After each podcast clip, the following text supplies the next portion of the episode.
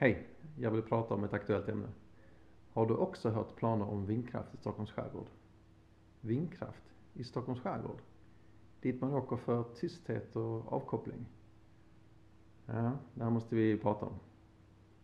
Jag har faktiskt jobbat med vindkraftsplanering på kommunal nivå. Och det handlar om att väga väldigt många olika saker för att komma fram till om olika områden är lämpliga eller inte lämpliga för vindkraft och om de är lämpliga för vindkraft i så fall hur ska vindkraften utformas för att passa in i landskapet så bra som möjligt. Och det finns ju så, alltså massa olika faktorer eh, avgör men landskapet är en ganska viktig faktor och det är någonting som de flesta människor först tänker på när de tänker på vindkraft. Och jag har ju sett, jag har sett flera exempel på dålig, alltså dåligt placerad vindkraft som är i ett landskap där de inte borde finnas.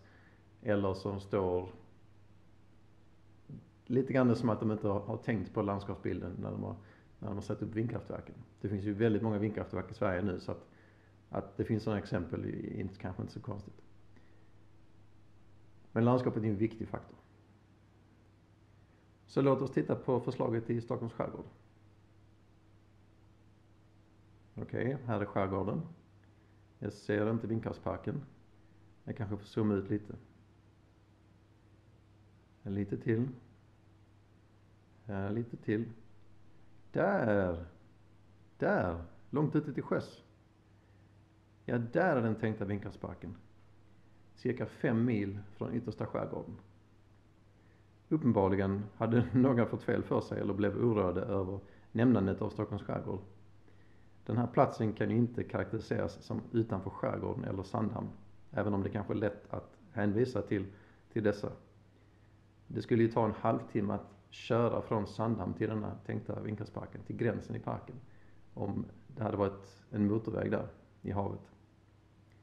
Det är alltså långt ute på öppet vatten, eller rättare sagt det är 10 mil från Estland, 5 mil från eh, skärgården, 10 mil från Estland. Man skulle förstås inte höra vindkraftverken på detta avståndet. Skulle man se dem? Ja. Jordens krökning på 5 mils avstånd är ungefär 200 meter. Och de här verken är tänkta att vara 330 meter höga. Så man skulle se den översta 130 meterna på vindkraftverken. Om man hade stått i Sandhamn då. Men just i Sandhamns hamn så skyms också utsikten av Korsö som ligger bredvid så ungefär hälften av verken skulle man kunna se topparna på en klar dag. Inte kanske varje dag förstås. En klar dag. Jag fick höra ett nytt begrepp när jag läste om detta och det är stålskogar. Jag tror ironiskt nog att de som använder det begreppet inte vill ha skog. De vill hellre ha trädplanteringar och kalhyggen. Personligen så skulle jag föredra stålskogar över kalhyggen när som helst. Södra Sverige behöver mer energiproduktion. Till skillnad från vad du kanske har hört så är Sverige en nettoexportör av energi. De senaste åren har vi exporterat mer energi än vi behöver. Cirka ja, drygt 10% mer än, än det vi använder. Men vi behöver icke desto mindre mer energiproduktion i södra Sverige för det är där, där den stora förbrukningen finns. Och det är alltid bra med produktion nära eh, användningen av energi.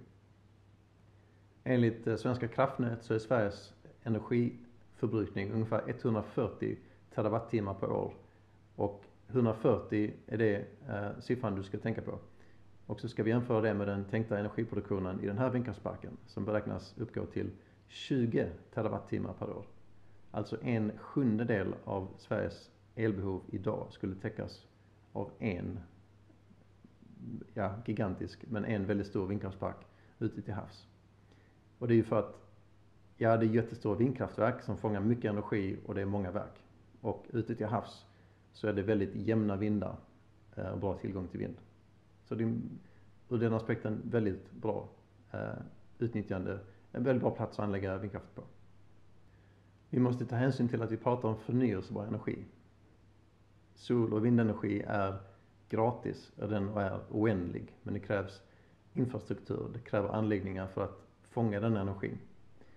Och att kunna producera en sjundedel av vår förbrukning på en plats.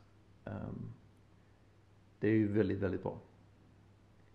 Denna park måste förstås miljöprövas eh, Och det kan finnas flera faktorer som avgör att den inte blir verklighet eller att den måste ändras på.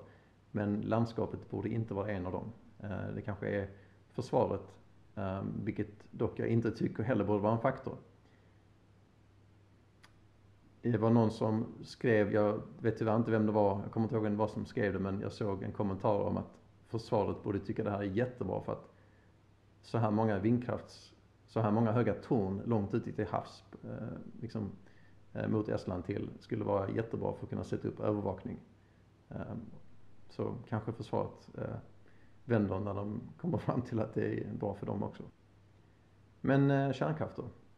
Kärnkraft är dyrt och det tar väldigt lång tid att anlägga.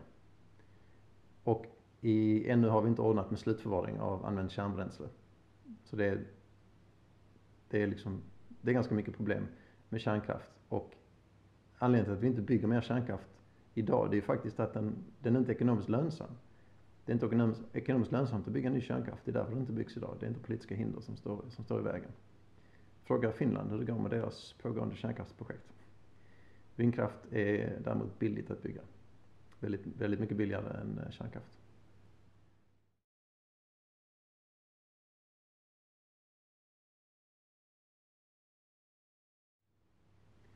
Så jag hoppas du känner dig lite mer informerad om det här eh, projektet eh, och kanske om vindkraft generellt, vilket är syftet med det här avsnittet.